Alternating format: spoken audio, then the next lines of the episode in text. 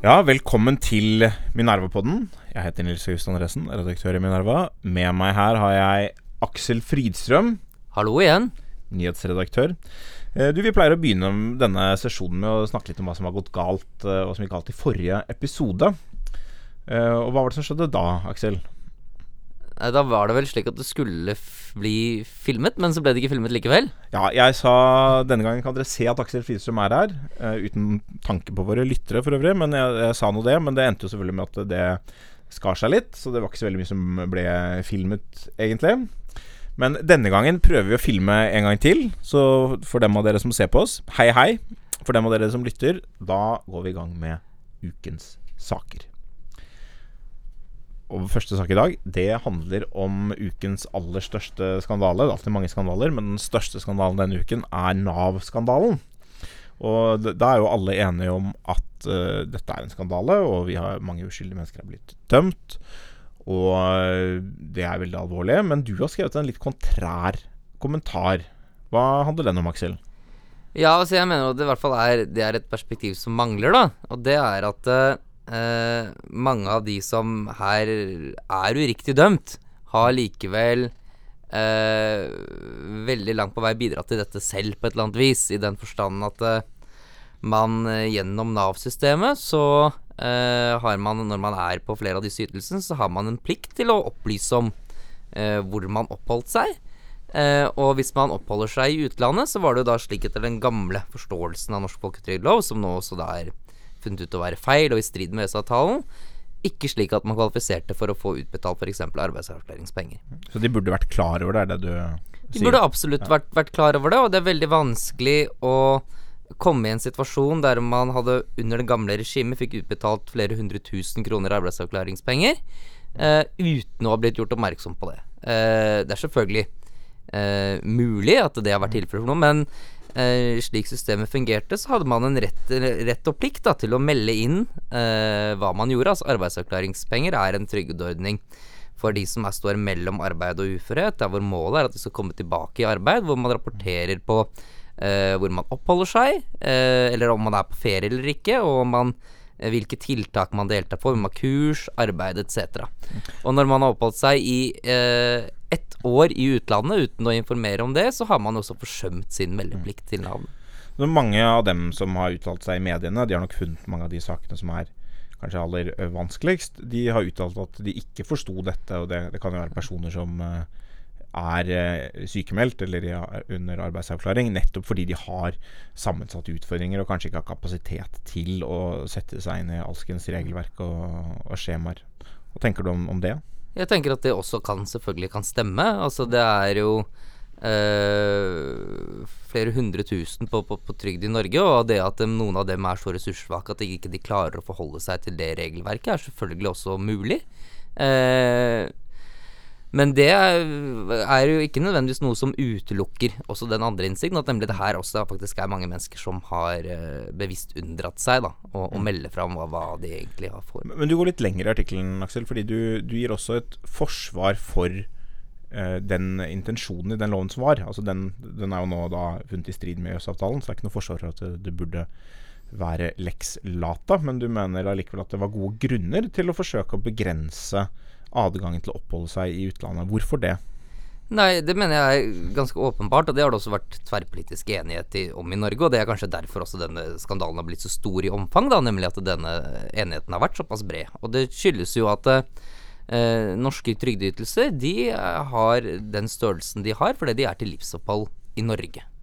Eh, og hvis Norge er et av verdens dyreste land å bo i, og hvis du tar med deg en slik trygdeytelse til et annet land med et langt lavere prisnivå, så ville det innebære at du vil få øh, vesentlig, nyte vesentlig bedre av den trygdeytelsen enn hva den egentlig var ment som, og at den også øh, svekker incitamentene til å komme tilbake. Altså, du får rett og slett bedre levekår enn om du hadde jobbet i strid med arbeidslinjen. Er det det som er eh, Ja, argumentet. det er akkurat det som skjer. Og øh, det som også er viktig å ha med seg i denne diskusjonen, er at det, eh, med den nye forståelsen av loven, så er det heller ikke slik at alle geografiske begrensninger på hvor du kan oppholde deg, er, er opphevet. Det er bare at det, det vi definerer som den sonen du kan være innenfor, uten å måtte melde ifra som et utenlandsopphold, nå er utvidet til å være hele Europa.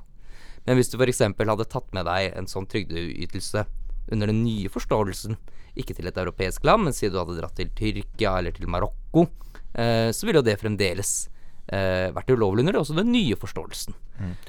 Men uh, mange opplever at det er noe også litt mer sånn umoralsk i denne, denne formen for lov. For det er, det er noe med at det, det, er fortsatt sånn hvis du drar til Tyrkia eller USA eller uh, Marokko. Men uh, det EØS-reglene gjør, er jo på en måte at de inviterer en viss forstand mennesker til å betrakte de europeiske grensene som opphevet for arbeidsformål. Komme hit uh, og jobbe. og så betaler man skatt, og så blir man syk. Og så er man da på en måte fanget i et vanskelig valg mellom å måtte bli værende i Norge, kanskje uten nettverk, uten mulighet til å jobbe, Eh, eller å måtte reise hjem uten noe støtte til livsopphold, selv om man da kanskje har Eller med lite støtte til livsopphold, selv om man da har jobbet og betalt skatt til den norske staten i mange år. Er ikke det en urettferdig innretning også, kan man si? Jo, det kan man også si. Altså Det finnes uh, argumenter for at den, uh, den norske loven hadde sine svakheter, men et, et eller annet regime, og nå er den også kjent ulovlig, men et eller annet regime vil du måtte ha. Og det er aldri være, aldri være mulig å fullt ut fange opp absolutt alle typer hensyn.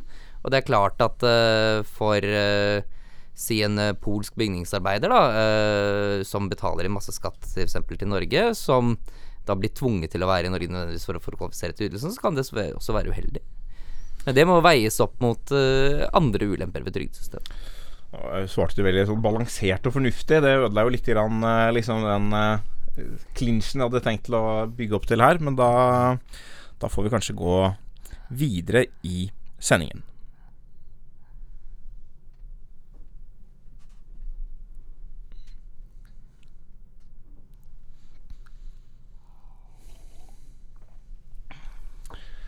For denne uken har det vært en annen liten skandale også. Eh, det er Sagen-saken. Sagen-saken, ja. ja. Og det omhandler jo at uh, Tore Sagen, som er en av programlederne på NRK-programmet Radioresepsjonen, har som en del av det de tenkte på som en flauhetskonkurranse, fremført et budskap som veldig mange har reagert på. Uh, og reaksjonene har jo da også å gjøre med at de i uh, sitt innslag fremsetter en del sterkt rasistiske ytri ytringer, da, men da vel ment som en, iro, en ironi da, fra deres side. Ja, altså jeg har jo skrevet av en artikkel om denne saken. For det, alle denne type spørsmål om, om, hvordan de forstår humor og virkemidler i humor, det interesserer meg. Det er jo et felt som, som hvor det har vært mange saker de siste årene. Flere gamle humorister eh, går ut og sier at den type saker de laget i sin ungdom, ikke lenger kunne lages. Life of Brian eller den type ting, fordi noen ville blitt uh, støtt. Uh, og, ma og, mange ble støtt, uh, også i gamle dager. Men det, den gangen så var det i hvert fall i, i, en del type saker ikke sånn at det fikk konsekvenser. Det var nok noen type humor som si, ble ikke slapp gjennom tidligere også. Ikke nødvendigvis mindre heller, men på litt andre måter. det som har interessert meg litt i denne saken, er at det, mange av reaksjonene er åpenbart uh, ikke innforstått med konteksten, eller ignorerer konteksten bevisst. Eksempel så skriver eh, SVs vararepresentant på Stortinget, Marian Hussein, skriver at hun eh, ikke er opptatt av kontekst, og er lei av at man bruker kontekst som en unnskyldning. Og det, det, kan jo innebære flere ting. Det, jo, det, det, hender jo selvfølgelig at folk sier kontekst uten at det er noe kontekst der. Man kan være lei at det brukes bare som en unnskyldning. Eh, men man ser også at hun eh, har repostet noen andre som, eh, som, som da spør Sagen kan du dokumentere at afrikanere står bak all kriminalitet i Oslo, f.eks. Som han jo sier i, i, radiosendingen, men også åpenbart ikke mener. Så da er det på en måte en bit av konteksten som går bort, men som så blir kommer inn i noen korte tweets og blir retweetet, og som blir en del av den nye konteksten på hvordan denne saken forstås. Og sånn som jeg har lest uh, Twitter de, de, siste par dagene, så har det da vært både en blanding av folk som har et helt galt inntrykk av hva Sagen mener å ha sagt. De har enten ikke sett uh, eller hørt uh, klippet, eller, eller, bare hørt et lite utdrag av et klipp der, akkurat der hvor det rasistiske sies, og så ikke hele konteksten. Og, og, så blir det en stor del av dekningen og en stor del av det presset som legges på NRK, som uh, endte med da at uh, NRK, øyensynlig på initiativ fra Sagen selv, uh, trakk tilbake denne sendingen og slettet den fra sine nettsider.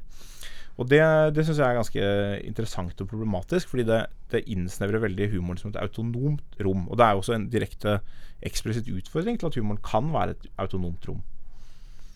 Hvilke utfordringer mener du at det skaper, da? Nei, altså jeg mener at øh, Sånn som denne diskusjonen alltid ofte blir, så blir den sånn at øh, hvit mann lager humor øh, med et eller annet touchy tema. Og så er det noen som reagerer og foregir seg å snakke på vegne av en gruppe som er rammet. Uh, og kanskje noe i varierende grad gjør det også. Og så svarer hvit mann. Dette handler om ytringsfrihet, dette handler om humor. Og så svarer den andre gruppen det sier du som hvit mann, som kan tillate deg å være opptatt av humor og ytringsfrihet, eh, snarere enn f.eks. rasisme. Og der står på en måte debatten og, og går i, i stampe. Uh, jeg mener at En sånn debatt kan jo godt handle om alle de tingene samtidig. Uh, men jeg mener at det er veldig problematisk hvis man stadig vekk ofte på, på et demonstrerbart feil grunnlag fremstiller disse vitsene som noe annet enn det de er, som i en helt annen kontekst enn de faktisk opptrer i. Uh, og så mener jeg også at uh, humorens uavhengige rom er veldig viktig. Det betyr ikke at det er viktigere enn kampen mot rasisme, det er to helt separate spørsmål. Men for et samfunn som har en del spenninger, en del omtålige emner som offentligheten på en eller annen måte må håndtere, så er det desto viktigere, tenker jeg, at vi har et rom der det ikke er så farlig, måte, hva som sies. Så humor kan absolutt være farlig, i den forstand at i autoritære, i autoritære regimer så er man eh, redd for hum, også for humor. Eh, men eh, humorens logikk, måten vi ler på, er så veldig annerledes enn den politiske logikken. Så vi ler ofte av ting som i en viss forstand er håpløse og, og amoralske eller umoralske. Og, og, det er viktig at vi fortsetter å gjøre, for, også for samfunnet. Men for mennesker som uh, da blir utsatt for uh, rasisme i stort og smått i det norske samfunnet, er det, ikke, det er vel ikke så unaturlig at de liksom blir litt støtt eller lei seg, da, hvis noen åpenbart harselerer med noe som de føler negativt altså, på kroppen? Jeg, jeg, tenker at er, no, Noen mennesker vil bli støtt, og, og, noen ganger så er det ikke mulig å gjøre noe med det. Altså, det, er, det er alltid noen som blir støtt av nesten enhver form for Eh, humor. Det er i hvert fall veldig mange former for humor. Eh, også liksom det som man har på Nytt på Nytt, så vil det være noen som er, eh, er støtt fordi de på en eller annen måte følger den gruppen de mm. tilhører eller identifiserer seg med, omtalt på en ufordelaktig måte. Uten det så er det lite humor igjen som fungerer. Men problemstillingen er selvfølgelig relevant. Altså jeg, det, jeg, jeg, tenker at det sentrale er Eller det er sentralt hvor humoren kommer fra. Uh, kommer den fra et godt sted, eller kommer den fra et ønske om uh, liksom, å, å, rakke ned på noen, spre hat osv. I det siste tilfellet så er, det mye mer, så er det mye mer åpenbart at man reagerer. Uh, det, men det mye av striden står om, det er også når man er enig om at dette ikke egentlig kommer fra noe vondt sted. Man er enig om at uh, Mange er i hvert fall enige om at Sagen ikke mente det han sa. Uh, men man mener allikevel at disse virkemidlene er så sterke at de må unngås. Vi har, For sånn andre eksempler som, som, kan illustrere det. For I 2008 var det vel eh, den nå herostratisk berømte Otto Jespersen-saken, eh, hvor han hadde en vits om, om lus og holocaust. Og, og, den gikk omtrent som så, så at han sa han syntes synd på alle de millioner av lusene som døde under gassovnene, uten å ha gjort noe annet galt enn å sette seg på en person som tilfeldigvis har jødisk opphav. Og det er et, eh, på mange måter et sjokkerende virkemiddel. Men, men, konteksten for dette her var jo også i en viss forstand et humanistisk prosjekt. Han, han var opprørt over at mediene dekket eh, enkeltdyrs lidelse med krigstyper, samtidig som det pågikk store menneskerettsovergrep, og for så vidt samtidig som uh, altså, Det er snakk om en sjiraffunge som døde i en, i en, dyrepark. Samtidig som man utenfor dyreparken behandler dyr industrielt eh, landbruk på en helt annen måte, og ikke ofrer døden noen, noen tanke i det hele tatt. Så den, den kom, det var en samfunnskritikk som lå i den vitsen. Og så kan man si ok, jeg mener at virkemidlet er for sterkt. Og det må vi kunne diskutere. Vi må kunne diskutere om er det sånn ikke sant, at det er eh, humor er lik ti ganger avstand uh, omtrent. Er, det, er, dette på en eller annen måte for så vondt at vi ikke kan be mennesker om å akseptere virkemidlet? Men det vi kan be dem om, er å forstå virkemidlet. Og PFU behandlet den saken og, og felte vel TV 2. Uh, og da var det altså sånn at uh, Per Edgar Kokkvold uttalte at Otto Jespersen hadde sammenlignet jøder og lus. Og, og, sånn går veldig mange av disse sakene at Og, og det er jo helt feil. Det, det er jo beviselig feil. Og sånn går mange av disse sakene at eh, noen setter et premiss om at denne satiren på en måte ikke er satire. Eh, og da er satiren død, og da er mye av humoren død. Hvis ikke, hvis ikke rommet for satire er på en måte forstått, så, så er det dødt. Så jeg mener at vi, vi, skal, og jeg tror nok at mange av oss, inkludert meg selv, vi kan med fordel bli flinkere til å lytte til folk som opplever at humor gjør livet deres vanskeligere. Uh, men jeg mener også at det er viktig at humoren insisterer på sitt eget rom og sin egen logikk.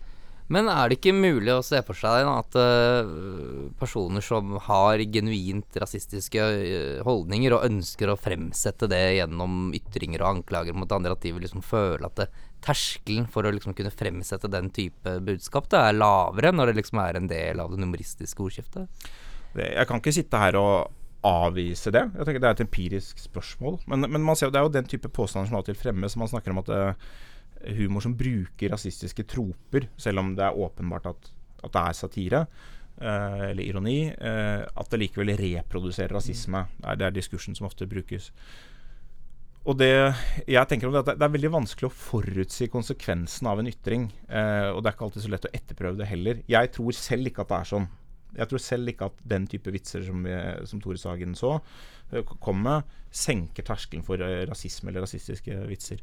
Eh, men for, som et eksempel på hvor vanskelig det er å forutsi effekten av ytringer, så er det noe amerikansk forskning fra presidentvalget i 2016 som viser at i en forsøksgruppe med ganske liberale personer, som ble delt i altså venstresiden i USA, som ble delt i to, tilfeldig utvalg, så ble den gruppen som ble utsatt for informasjon om denne type progressive normer for hvordan man snakker med hverandre, i et positivt lys. Sånn burde man, dette burde man si, dette burde man ikke si, fordi da blir noen støtt. Dette er en god måte å snakke på og sånn. Den gruppen som ble utsatt for denne informasjonen, eh, hadde mye større sannsynlighet for å stemme på Donald Trump etter at de var blitt utsatt for dette. Og det er interessant, fordi det peker noe om at når folk ikke kan hvis de føler at det er, det er, vanskelig å si det de naturlig ville sagt, som de selv opplever kommer fra et godt sted og i en viss forstand er reflektert og, og, gjennomtenkt. Det er det selvfølgelig ikke alltid, men det er sånn de opplever det. Hvis de på en måte får beskjed om det kan du ikke si, kanskje uten å forstå hvorfor det er man ikke kan gjøre eller si akkurat dette, eller være uenig i begrunnelsen som gis for hvorfor man ikke kan si akkurat dette, det kan føre til et uh, sinne som for noen da på en måte tar den har den konsekvens at, de ikke, at det er vanskeligere, vanskeligere, for dem å identifisere seg med den gruppen som sier 'dette kan du ikke si'. Og i amerikansk kontekst så jo, ble jo det da Clinton-siden, om du vil, som ble, ble denne de, Da opplevde de seg som disse deplorables, som Clinton omtalte, og endte opp med å stemme Trump. Jeg vil ikke si at det alltid er konsekvensen av uh, progressivt eller politisk korrekt, eller hva man skal kalle det, uh, av den type argumenter, men det viser at det er ikke alltid så lett å si hva som er konsekvensen av en ytring, og det kan ikke alltid være avgjørende for om man sier det man mener. Avslutningsvis skal du få en veldig vanskelig utfordring, og det er å komme med et kort svar. Eh, kan det være slik at uh, når man reagerer slik som man gjør på det som åpenbart er satire, at det også da uh, skader kampen mot rasisme? Uh, ja, det kan det.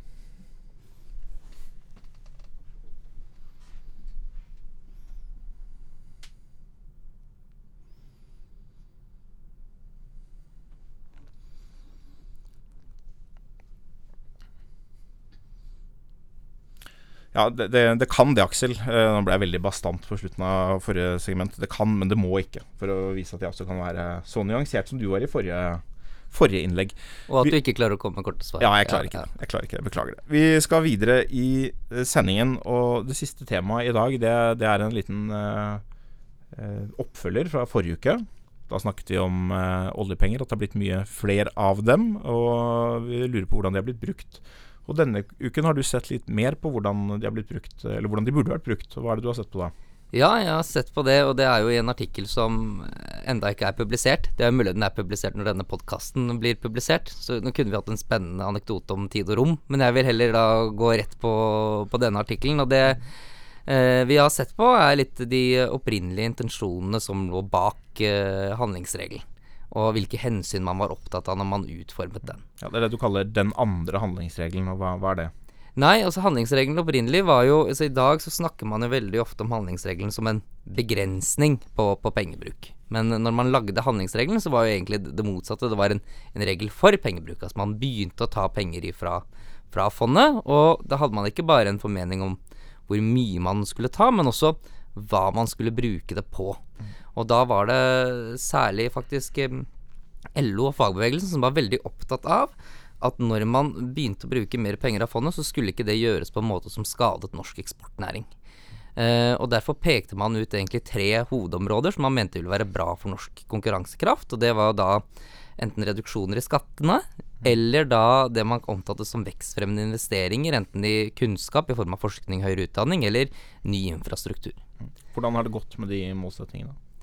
Uh, det ser ut, Hvis man følger dette over tid, så ser det ut som det blir en stadig mindre andel som går til uh, de, de kjerneoppgavene. Mm. Vi snakket jo sist om at uh, inneværende under inneværende regjering så har 11% omtrent gått til skattelette. Til sammen kanskje snaut 40 eller par og 30 til, til disse tre formålene. Under Stoltenberg-regjeringen gikk jo 0% til skattelette. og før det var det vel en, en liten andel igjen. Men men da denne regelen kom, hvor mye penger var det da snakk om som skulle brukes på denne måten? Da tror jeg det kom 26 milliarder gjennom handlingsregelen, og det bidro til at man økte det reelle handlingsrommet med 6-7 milliarder, for man brukte litt penger fra oljefondet selv om det ikke direkte kom gjennom handlingsregelen. Og da var det jo øh, På det tidspunktet så var det jo veldig naturlig å tenke på at det egentlig var bare tre områder, ikke sant. Altså her er det 6 milliarder kroner, vi kan enten bruke det på skattereduksjoner, forskning, høyere utdanning, samferdsel.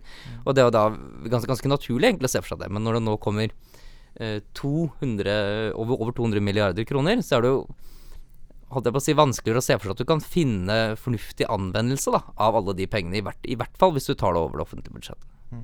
Ja, fordi det, det, vi ser litt, er jo at vi Man kunne jo tenke seg at kritikken her var at man har brukt penger på alt mulig annet enn samferdsel og skattelette. Mm. Vi ønsker selvfølgelig mer skattelette, siden vi er den borgerlige avisen Minerva. Men, men alle, disse, vi, disse, pengene til samferdsel, der er vel snarere utføringen at vi kanskje bruker altfor mye penger på samferdsel. Hvordan kan det, Hva er liksom årsaken til, til, at man tenkte at dette kan vi bruke mye penger på? Hva er årsaken til at, det, at vi kanskje bruker for mye penger? Jeg tror at det reelt sett er slik at man At det i Norge har vært et ganske stort vedlikeholdsetterslep. Et etterslep investerings- og vedlikeholdsetterslep på, på samferdsel. Men hvis man eh, stadig gjør disse planverkene for samferdselsinvesteringer større og større, altså nå er et Nasjonal transportplan tror jeg kom første gang rundt uh, år 2002. Og da var det jo en plan som hadde et, investeringsvolum på 150 milliarder, og nå er den siste planen den har 1050 milliarder. Eh, og det du opplever da selvfølgelig, er at uh, hvis man tar utgangspunkt i at de pengene vi brukte når vi bare brukte 100 milliarder, var noenlunde fornuftig anvendt, Eh, når vi da legger til mer penger, så må vi stadig velge dårligere og dårligere og dårligere prosjekter for, for å kunne få investert alt sammen. Og det ser man en helt tydelig tendens til i mm. norsk, norske samferdselspolitikk. Nemlig at man har prioritert en veldig masse prosjekter som har en negativ samfunnsøkonomisk nytte. Mm. Du har snakket litt med økonomer uh, som sier noe sånt som at eh, hvilke felter burde man bruke penger på? Og da et økonomisk svar vil jo på en måte være å si at man bør bruke penger sånn at marginalbruken av penger er lik på alle områder. Eller Marginalnytten av økt pengebruk er lik på alle områder.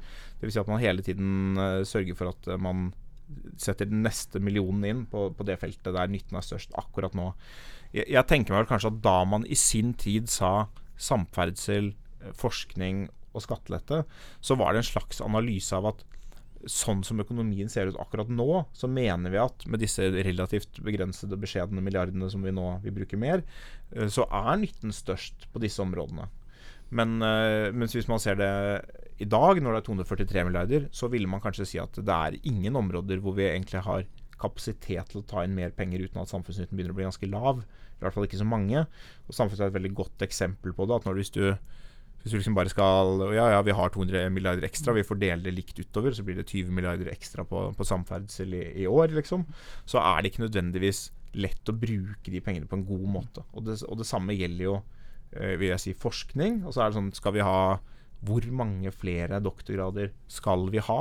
Eh, hvor, hvor tas de menneskene fra? Altså Man snakker om sånn vanlig politisk retorikk. Sånn, vi trenger flere gode lærere, flere gode psykologer, flere gode forskere, flere gode ingeniører trenger vi ofte. Flere gode mennesker til det grønne skiftet. Mm. Og jeg ser rundt meg og så spør jeg hvor skal alle disse gode menneskene komme fra? Det er, så, vi er jo det er ikke så mange gode mennesker. Vi er, det, er, det er både, både det ene og det andre her i samfunnet, når man ser rundt seg. Men altså, det er noe med at man må jo tenke at de, mange av de gode, de best motiverte, de flinkeste forskerne, det er jo de som allerede er blitt forskere. Eh, og hvis du skal ha, liksom, øke med 30 ja, så er det sannsynlig at du kan jo hente noen inn fra andre felt. Så man se om det er bra eller dårlig. Men så er det noen som da er mindre flinke, rett og slett. Og, eller som jobber med prosjekter som er, er mindre interessante, fordi de mest interessante prosjektene blir tatt først. Er det en måte å forstå det på som Ja, det, mener, det, mener jeg absolutt. Og det kan jo også godt tenke seg at de eh, du eventuelt tiltrekker deg til å gjøre forskning, kanskje har vært gjort mer nytte også et annet sted. Ikke sant? Du har f.eks. Uh, leger og professorer i medisin som enten kan velge mellom å ha en jobb på sykehuset og behandle pasienter, eller så kan de drive med forskning. Eh, og det er klart at hvis du både øker helsebudsjettet til leger i håp om at du skal få flere leger, og øker forskningsbudsjettet sånn at du skal få flere forskere, så slår de målene hverandre i hjel. Eh, så du trenger ikke nødvendigvis å bruke mer penger på det. Det handler bare om å omprioritere mellom de to postene hvor du har en formening om hvor store du mener at de skal være. Da. men, men hva er da din konklusjon? Er det Hva skulle disse pengene gått til? Er, er det formuesskatten? Ja, det kunne blant annet faktisk vært, vært et ganske godt forslag, men eh, jeg, jeg er ikke Det er vel de som er mest opptatt av å fjerne formuesskatten, for å være ærlig. Jeg tror, men jeg tror at det hadde vært mye bedre å benytte disse pengene til å gi skattereduksjoner til helt vanlige folk, fordi at de eh, Hvis du vanlige folk får bedre råd i sin privatøkonomi, så kan de også bruke det til å importere varer fra utlandet, og du møter ikke de samme eh, ressursknappheten da, som du gjør f.eks. hvis du kanaliserer penger i offentlige budsjetter. Så en stor utfordring eh, med den økte offentlige pengebruken uh, som som er mindre akutt, både med samferdsel og med skattelette, det er at veldig mye av bruken er vanskelig å reversere. Den beste måten å få penger på i Norge, er at du har fått penger før. Eh, samferdselsinvesteringer er jo litt annerledes. Når du har bygget en vei, så, så er det slutt på den pengestrømmen. Men hvis du har økt eh, antall stillinger i kultursektoren eller noe sånt, så det, skal du endre på det, så det, må du si opp noen, og du må ha, gjøre et kutt i budsjettet, og det blir masse negativ dekning og sånn.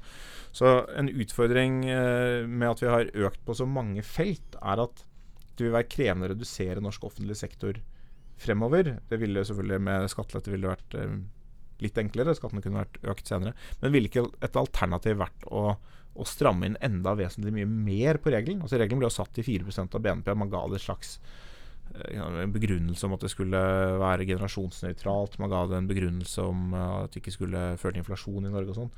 Men en utfordring eh, for oss nå er jo at vi bruker så mye penger at staten blir så stor at når den på sikt er nødt til å bli mindre, så har vi gjort det mye vanskeligere for oss selv. Hadde det ikke vært bedre å, å spare mer penger i fondet? Ja, enten det eller å gi skattereduksjoner, tror jeg. Men det som hvis du En måte å tenke på det, er at eh, hvis man virkelig mener at oljefondet skal vare for evig, så er det eh, egentlig bedre å styre etter et mål om at oljefondet som en andel av norsk bruttonasjonalprodukt skal være konstant. Eh, og siden norsk bruttonasjonalprodukt vokser hvert eneste år, i hvert fall eh, bør det gjøre det, hvis ikke så har vi problemer, eh, så burde man ha en handlingsregel som var langt strammere. Antagelig bare mellom 1 og 2% Så det er et annet alternativ til den pengebruken, som ville vært eh, bedre forenlig med å opprettholde stabil utvikling på offentlige tjenester over tid. Hvordan tror du støtten er Vi sitter og ser over på stortingsbygningen. Hvordan tror du støtten er for å redusere handlingsregelen til 1-2% og så bruke alle pengene på skattelette? Tror du, tror vi får den om før 2021? Eh, da må man i så fall uh, Da må i så fall uh, Nei, det tror jeg ikke går. Men det, det, det, det, er mulig vi kan få inn et parti på Stortinget som mener det, men da må sperregrensen settes til halv prosent, kanskje. Eller Minerva-podden må komme ut flere ganger i uka. Det var det vi hadde for, for denne gangen. Så får vi se hva som skjer på, på sikt.